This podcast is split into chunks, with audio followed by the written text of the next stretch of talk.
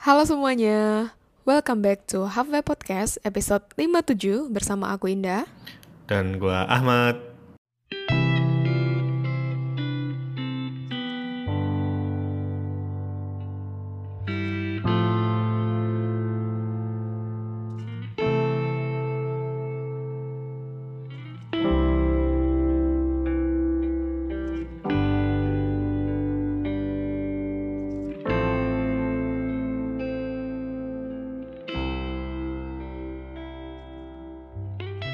Selamat Lebaran, mohon maaf lahir dan batin. oh, oh, mohon maaf banyak Kak Indah mohon maaf banyak salah yang disengaja. Kenapa kemarin ketawa? Apa? Waktu, waktu gua minta maaf tuh. Kenapa lu ketawa? Oh, kapan kamu pernah minta maaf sama aku? Pernah. Oh, ya ampun, aku nggak ngeh ya. Hmm. Maaf lahir batin Kak Indah. Iya, sama-sama ya. Heeh. Nyebelin ya sih? Kayak stiker-stiker yang orang bikin tuh loh kayak "Sa- kami sekeluarga mengucapkan sama-sama gitu. Keselin banget. Jadi di momen lebaran ini hmm, apa yang baru di hidupnya Ahmad? Ya, baru tidak tahu. Iya pasti kamu malu menjawab ya. Oh, oh. Gua jawab mikir-mikir. Gua tanya Kak Indah aja deh. Sekarang udah, udah jelas baru ya lebaran ya, momen lebarannya, tempatnya baru, suasananya baru. Iyo, ih nggak mudik coy. Ya ampun pertama kali loh aku lebaran di luar rumah. Eh maksudnya di di Kan luar Klaten. Oh, kan sekarang rumah lu pindah, tetap di dalam rumah. Oh iya juga ya. Thank you. Enggak, maksudnya tuh kayak pertama kali lebaran untuk jauh dari keluarga inti gitu loh. Keluarga lama, kan sekarang keluarga inti lu kan. ya Oh iya bener juga lu. gimana sih? Iya sih, gimana, Ya, gimana sih namanya aku nggak ngerti jadinya. Ya sih? gitulah. Dari keluarga, Keluarga besar. asal. Oh ya keluarga asal. Heeh. Dan Lebaran sebagai seorang istri perdana ya. Wow. Apa? Iya. Masak opor nggak kemarin? Masak dong. Wih, si pinter masak nih. Loh, aku tuh pinter masak tahu. Ah, iya emang kan pinter beneran. Iya. Heeh. Iya, meskipun mukanya kayak gini tuh tapi aku pinter masak tahu. Cuman malas aja kadang-kadang. Emang apa hubungannya muka sama masak? Apa? iya juga. Enggak barangkali. Apa sih? Ada, ada eh, aku pernah cerita gak sih? Apa? Yang kalau kalau misalnya aku kerja, maksudnya kerja-kerja kayak urusan rumah tangga gitu tuh ada yang mempertanyakan gitu loh. Oh, pernah pernah gitu? Belum pernah Iya. cerita kayaknya lu? Iya, pernah. Cuman kan ya mungkin ya karena nggak kenal aku aja gitu. Mm-mm. Padahal kan Kalau- ya. Padahal kan naik genteng juga dia. Wes, lanjut terus. Tapi sekarang ini aku nggak kayak gitu kok.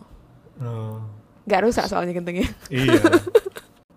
eh kak ngomong-ngomong soal genteng nih kak, Hmm, gua ada pertanyaan. Eh, apa? Misalnya lu kangen gak sih sama Jogja kak? Udah pindah kota?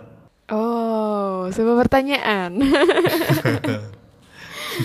Eh, kangen atau enggak? Eh, Apa bingung juga aja? sih. Bingung B sih ngejawabnya gitu. Ah. Yang dikangenin ya, ya pasti ada lah. Kayak mungkin apa ya suasananya gitu. Hmm. Karena karena karena di sini panas kan. Oh, Terus- emang di di Jogja nggak panas? Ya maksudnya panasnya beda tahu gitu. Oh, Terus kayak ada yang kurindukan aja sih dari sana gitu. Mm-mm. Karena aku paling sebel kalau panas. Terus maksudnya tuh ya meskipun apa ya, ya panasnya tuh beda gitulah pokoknya. Terus Mm-mm. airnya juga kan nggak nggak sejernih sana gitu. Oh, nggak sejernih Klaten ya? Oh iya bener banget. Kamu kemarin aku udah cerita ya yang s- kemarin.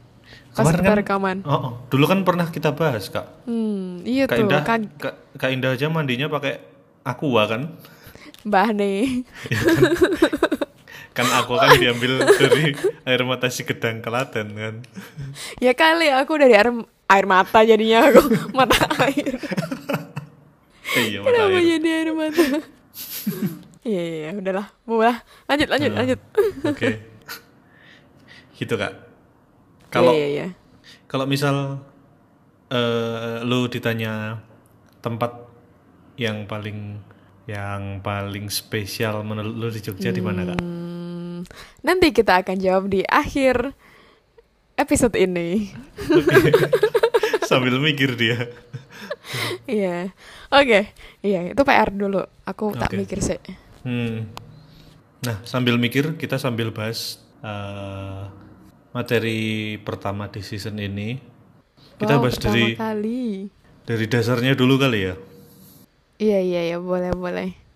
Menjawab pertanyaan kenapa manusia harus terkoneksi dengan orang lain. Hmm, kenapa tuh? Kenapa harus eh, kita tuh punya koneksi gitu, punya hubungan sama orang gitu? Kenapa kenapa orang butuh orang lain? Kenapa kayak banyak orang juga memutuskan untuk menikah?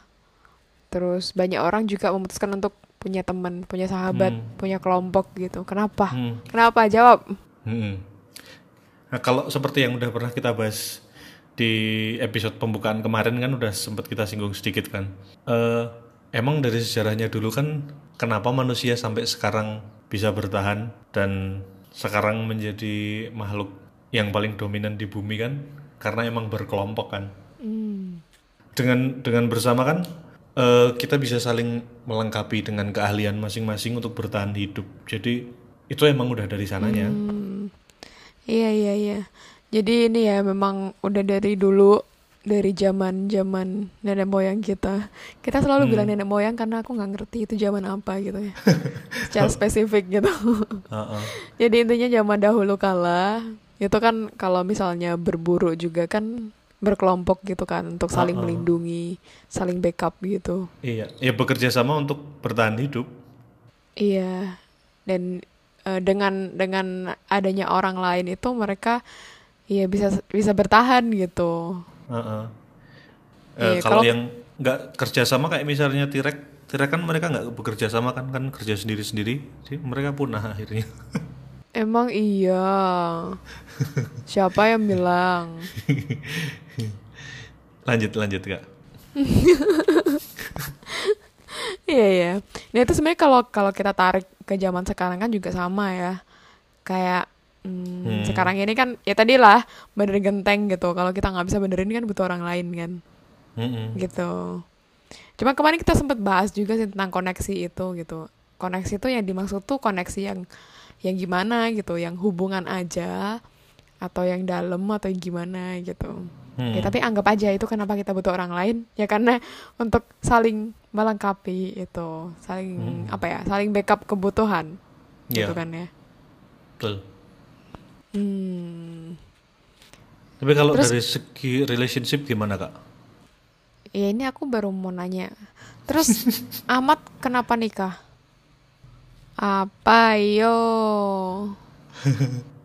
Masa kan sebenarnya kalau secara biologis kan eh, alasan pertamanya kan untuk melanjutkan keturunan kan Mm-mm. dan melanjutkan peradaban manusia. Mm-mm. Kalau secara sosiologis ya untuk ya karena kita butuh kita butuh orang lain. Hmm. Bingung kan ngejawabnya? Bingung. Bingung. Gimana Iya, aku juga bingung. Kenapa? Iya. Enggak, kenapa lu jangan kenapa deh. Apa yang lu rasakan sekarang setelah menikah deh? Setelah Hmm. ada orang yang selalu di di samping lu setiap saat. Enggak, dia sering pergi-pergi. Ya paling enggak sehari sekali kan pasti ketemu. Enggak, dia sering beberapa kali dinas keluar. Ya paling enggak lebih banyak. Berapa persen? aku jawabnya. Berapa persen hidupnya kan tetap bareng sama lu kan. Hmm. Apa ya, yang aku rasakan? Iya, yang aku rasakan ya, dia dia lagi dia lagi gitu. jadi malah bosen lu kak. Enggak bosen loh. Ya kan bener kan yang aku rasakan apa? Hmm. Ya banyak gitu. Maksudnya dari kalau kita bicara perasaan, ya seneng ada, nyaman ada, terus aman ada, terus kalau misalnya kayak lagi butuh apa-apa ada yang siap sedia gitu-gitu. Kalau lagi nggak enak badan gitu ada yang apa merhatiin Ah, gitu-gitu. oke. Terus kalau lagi butuh tengkar ada yang diajak tengkar gitu. Bahkan bertengkar aja kebutuhan ya. iya butuh biar ini naik turun aja. Hmm.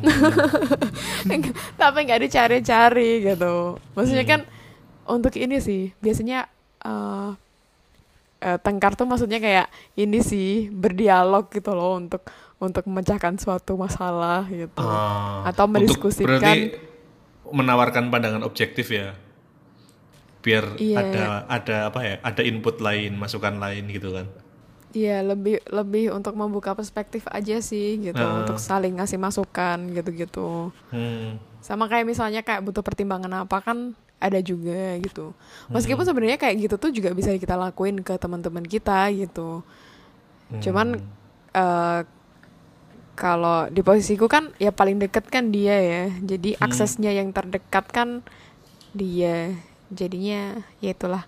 Kalau ditanya perasaannya ya itu campur campur campur campur semuanya karena Hmm. tiap hari kan kita pasti merasakan sesuatu kan.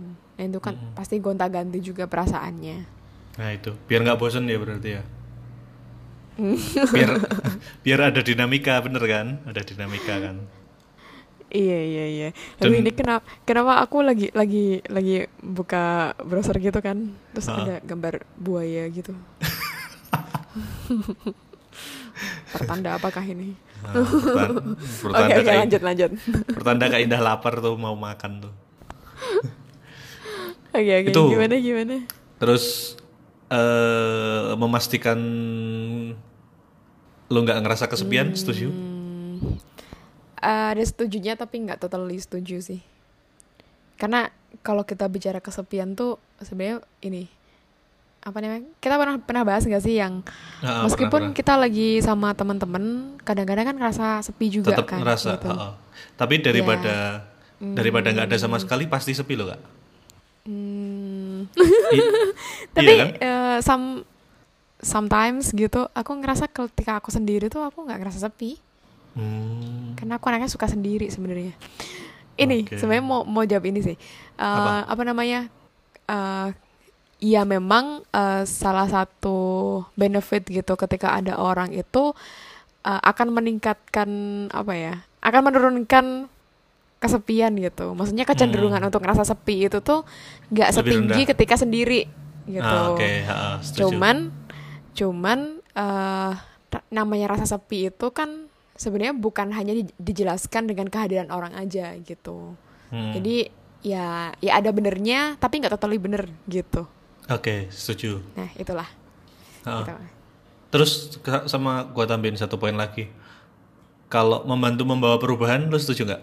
Hmm, iya setuju banget dong ketika maksudnya kan ketika eh, dia buk apa berdiskusi gitu kan buka perspektif gitu kan sebenarnya juga nambah sesuatu hal kan dan itu ada yang berubah juga kan mungkin dari segi Hmm. pengetahuan atau mungkin dari segi apa gitu masukannya gitu-gitu dan Ah. sebenarnya kalau mau bicara tentang penelitian juga ya eh ketika orang punya teman itu tuh kecenderungan dia stres itu juga lebih rendah gitu karena kalau misalnya kita lagi tertekan gitu kan lagi ada masalah terus kita eh, biasanya kan ketika ada masalah kan kita butuh orang lain ya untuk cerita untuk apa Iya. gitu kadang-kadang dengan cerita gitu sebagai media untuk cerita temen itu itu kan kita jadi ngerasa lega kan oh ternyata aku Hmm. tuh ditem- ada yang nemenin gitu ada yang dengerin gitu gitu Hmm. Eh, juga bisa untuk menurunkan tingkat stres juga gitu ketika punya pertemanan yang berkualitas gitu. Kalau yang membawa perubahan tuh lebih, yang lebih sebenarnya lebih contoh realnya ya seperti yang terjadi di lu sekarang kak. Dengan lu menjalin hubungan dengan orang lain, sekarang hidup lu berubah kan. Semulanya di Klaten, sekarang pindah. iya nggak? Selain juga. Iya kan bener kan? Kan hidup lu sekarang berubah kan dari yang sebelumnya. baik, baik. Ha-ha. kayak gitu. Terus membuka kesempatan-kesempatan baru juga ketika lu uh, lu banyak temen misalnya banyak melakukan koneksi itu kan kayak kesempatan yang sebelumnya nggak ada. Ini kalau di apa Hmm. Di karir gitu ya. Nah itu kan jadi lebih luas lagi. Pilihannya lebih banyak ya gitu. bisa jadi seperti itu juga gitu. Hmm, ya mungkin kalau apa namanya kalau dari aku sih aku juga ada poin penting gitu kan tentang kenapa sih kita butuh orang lain kenapa sih kita butuh apa butuh teman gitu butuh orang gitulah. Hmm, ya karena sebenarnya ketika kita menjalin pertemanan menjalin hubungan dengan orang lain itu tuh eh, banyak ngajarin tentang diri kita sendiri gitu. Oke. Tentang apa ya kan pasti ketika kita ada hubungan sama orang kan dinamikanya banyak ya Hmm, gitu. Dari situ kan sebenarnya kita juga banyak melakukan refleksi diri kan. Hmm, gitu. Mencari-cari kayak oh kayak gini tuh ternyata nggak nggak oke nih gitu. Oh ternyata kayak gini tuh oke nih ke orang gitu. Jadi kayak banyak masukan juga kan dan itu kan Hmm. juga sebenarnya tujuannya juga improve diri kita sendiri kan gitu jadi lebih lebih apa lebih ngajarin juga gimana caranya kita lebih kenal sama diri kita gitu ketika ada orang oke itu secara nggak langsung ya Mm-mm. ya secara Oke. langsung juga ya Ih, kalau Iya yang nggak sih? bener-bener secara langsung banget kan ngasih referensi kan misal eh Kak Indah tuh lifestyle-nya kayak gini terus karena kenal terus ada pandangan baru terus mungkin terinspirasi gitu kan oh ternyata kalau hidup sehat kayak gini tuh kayak dia misalnya gitu kan jadi oh boleh juga gitu Iya iya jadi sumber inspirasi gitu kan tempat belajar gitu juga bisa. Hmm, Hmm. Tapi eh, di sisi lain ya kayak kalau kita bicara tentang hubungan dengan orang lain, hubungan pertemanan itu kan bisa jadi itu jadi kayak sumber stres juga nggak sih? Gitu. ya Kalau kita mau cari kebalikannya ya gitu. yo itu kan memang kenyataan kan Iya iya iya. Jadi kalau misalnya kita eh, nggak apa ya, nggak pas gitu dalam menjalin hubungan itu, kan jadinya malah malah bikin stres juga gitu. Kayak Hmm, ya banyak juga kan yang kewalahan gitu kayak dengan dengan adanya masalah di hubungan. Kayak simpelnya lah, ya nggak simpel sih. Maksudnya yang banyak aja lah yang banyak terjadi. Misalnya kayak hubungan dalam keluarga itu kan banyak orang yang berperan di situ kan hmm, dan ternyata itu juga bisa jadi tuh salah satu sumber apa sumber masalah gitu kan di diri seseorang gitu jadi ya di samping eh, orang orang itu sangat banyak manfaatnya kehadiran orang lain itu tapi dia juga jadi sumber stres juga Iya. meskipun ya kalau jadi sumber stres pun kita juga bisa belajar gitu kan Iya. Ya itu jadi bisa menikmati dinamika kan, nggak nggak jadi nggak ngebosenin. Iya iya iya. Jadi memang ini sih kalau mau dijadiin satu kata tuh kesimpulannya aku lebih ke yang tempat belajar gitu. Hmm. Maksudnya eh, baik buruk pun dari orang lain pun kita tetap bisa belajar kan sebenarnya. Iya betul. Setuju. Tuh. Iya, ya meskipun berat ya.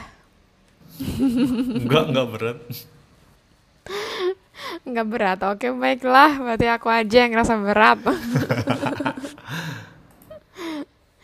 ya, eh, kadang kadang kadang berat, kadang enggak gitu. Hmm. Terus kak, gua mau tanya kak, Mm-mm. Eh, kenapa kalau kita ada masalah terus ngomong sama orang lain tuh bisa rasanya bisa lega gitu gimana kak? Kayak lebih ringan gitu. Iya iya. Nah itu kan kayak yang kita bahas tadi juga kan. Kayak sebenarnya kan orang lain kan sebenarnya salah satu support system kan bagi kita kan. Ketika kita lagi stres banget, lagi tertekan, ya yang namanya emosi kan sebenarnya butuh untuk dikeluarkan kan, biar lega gitu. Namanya perasaan itu kan kalau kalau perasaan sedih itu kalau disimpan sendiri kan nyesek ya kadang-kadang ya gitu kadang-kadang bikin nyesek gitu kalau apa namanya ketika kita keluarin itu kan bikin kita lega tuh nah kenapa cerita ke orang itu bisa salah satu cara biar eh kenapa bisa bikin kita lega ya karena ada yang keluar gitu dari diri kita terus mungkin juga kayak kita juga jadi ngerasa oh iya ternyata aku dipahami ya gitu ternyata ternyata orang tuh mau dengerin aku ternyata perasaanku kayak gini tuh eh, nggak apa-apa ya gitu karena diterima sama orang lain gitu. Berarti lebih ke penerimaan ya. iya. Soalnya kalau kalau cuma karena kita mengeluarkan sesuatu ketika kita ada masalah terus kayak orang orang dulu kalau misalnya yang di di film-film tuh loh kak. Terus dia lari ke tebing terus teriak-teriak ngomongin masalahnya. Kayak gitu juga beda teman nggak ngerasa lebih ringan juga. Padahal itu udah dirilis kan. Tapi beda sekarang ngomong sama orang terus dapat feedback itu tetap beda rasanya ya. Nah, kalau kayak gitu sebenarnya tergantung sama kebutuhan masing-masing manusia gitu. Kayak apa namanya? Mungkin eh, kebutuhan penerimaannya beda-beda gitu kan levelnya gitu. eh kalau bicara tentang penerimaan dan rilis emosi itu eh, dua hal yang berbeda tapi saling berhubungan gitu sih. oh itu beda Jadi- ya Jadi sebenarnya kalau kalau misalnya ada juga kan yang teriak-teriak gitu kan untuk mengeluarkan perasaannya atau misalnya ada yang suka ngegambar gitu kan perasaannya saat ini apa oh gitu. iya. Ada juga yang suka nulis gitu. Itu ada yang suka muter-muter yang Ruth. itu sebenarnya juga media gitu untuk rilis perasaan gitu. Abis itu uh, some people juga ngerasa lega juga di situ gitu. Oh, oke, Cuman oke. ketika mungkin ada feedback itu kayak ada tambahan tambahan pengetahuan gitu kan. Hmm. Kalau misalnya misalnya aku nih, aku ketika lagi ada masalah, aku lebih suka untuk nulis misalnya. Yaudah aku nulis dulu gitu. Terus habis itu aku nyari feedbacknya bukan dari orang lain gitu, tapi aku nyari informasi sendiri. Itu kan juga bikin aku lega juga kan sebenarnya Oh, oke gitu. Jadi memang sebenarnya kalau kayak gitu kan balik lagi ke masing-masing orang sama kebutuhan masing-masing gitu. Meskipun ya kayak kebutuhan untuk diterima itu pasti di semua orang itu ada gitu. Hmm. Tuh. Jadi memang tidak ada sesuatu yang hitam putih ya. Di sini semuanya abstrak gitu. Warnanya abu-abu Oke. semuanya gitu. Ah, ah. Padahal gue tadi mau ngomong pentingnya koneksi itu itu karena karena apa? Ketika ada yang ngasih feedback itu rasanya tetap lebih aman gitu loh. Tapi ternyata nggak juga ya.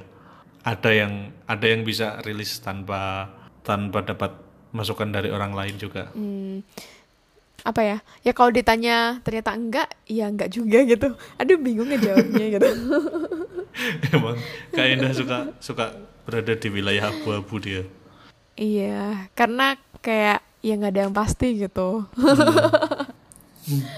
Dan kalau misalnya aku ngomong sama orang A, ngomong sama orang B, orang C, juga kadang-kadang beda juga gitu. Karena kan tiap orang kan dinamikanya masing-masing ya, Mm-mm. gitu.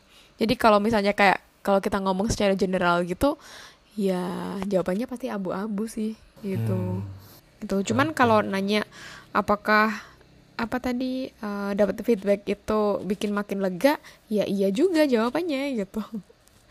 gitu. Itulah entahlah gitu. Biar biar orang simpulin sendiri aja ya. Oke. Jadi kesimpulannya apa nih? Hmm. Apa ya? Jadi kita masing-masing harus nyimpulin ya. Oke. Jadi kalau kesimpulannya dari aku, kenapa kita butuh orang lain?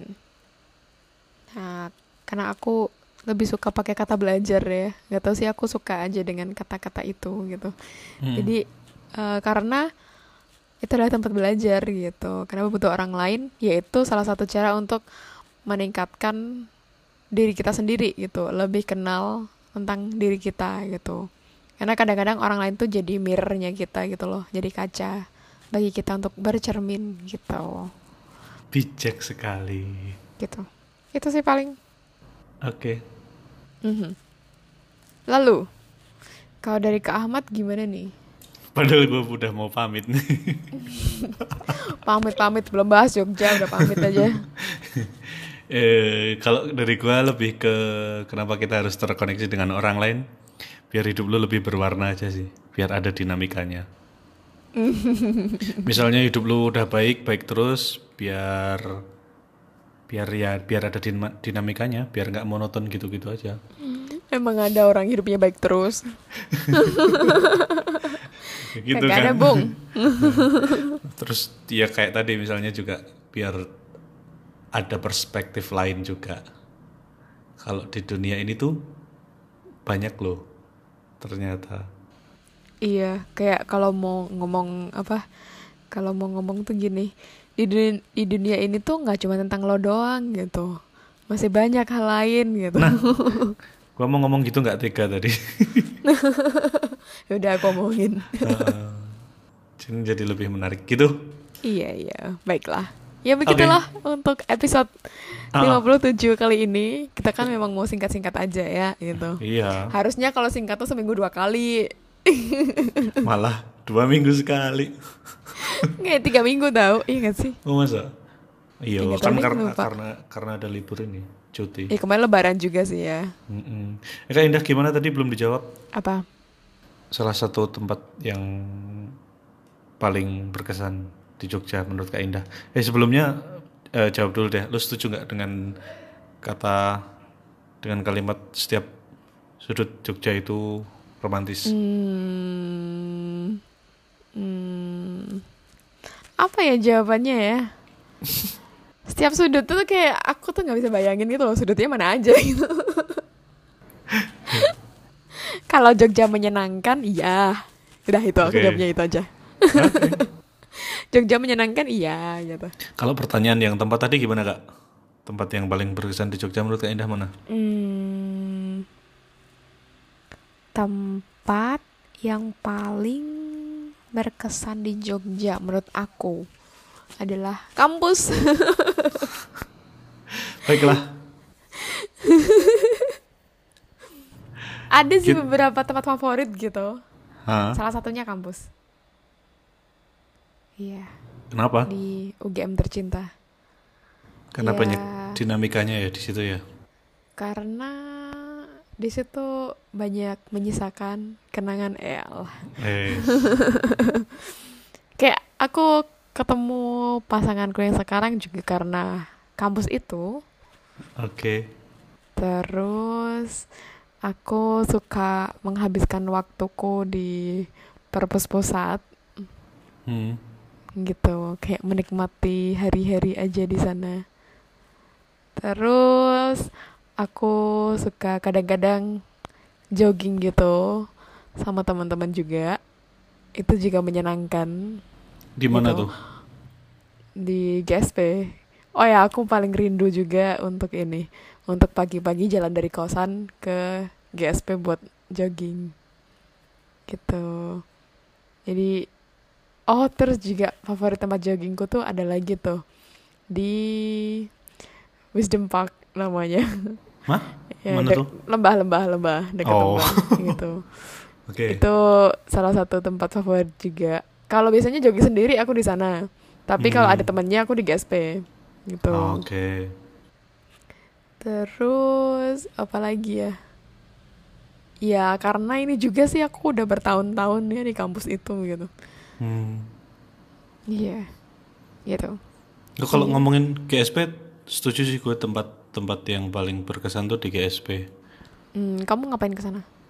Itu makan seafood Purwanto. itu itu samping GSP, tolong. Iya. kan masih kan masih deket GSP. oh, dulu paling sering ke situ sih. Tiap Oh. tiap sebulan dua kali malam ke sana. Uh asik banget. Wow, aku malah jarang banget untuk makan di ini di daerah sana. Hmm. Oke oke oke. Nah itu salah satu dulu lah ya, salah satu tempat Hmm. favoritku. Hmm. Besok ada lagi yang aku Oke. jelasin lagi. Terus kamu Oke. di mana? Itu Enak tadi aja mau pergi-pergi aja. Itu tadi udah gue jawab di Ih, GSP kamu juga. mau ngikut-ngikutin aja. Kamu-? Oh iya, aku jadi penasaran di Concat ada tempat menyenangkan nggak? Tempat apa? Menyenangkan gitu. Banyak, Oh banyak juga ya. banyak, banyak. Besok kita bahas di episode selanjutnya. Iya besok review cafe, review ini. Oh, oh.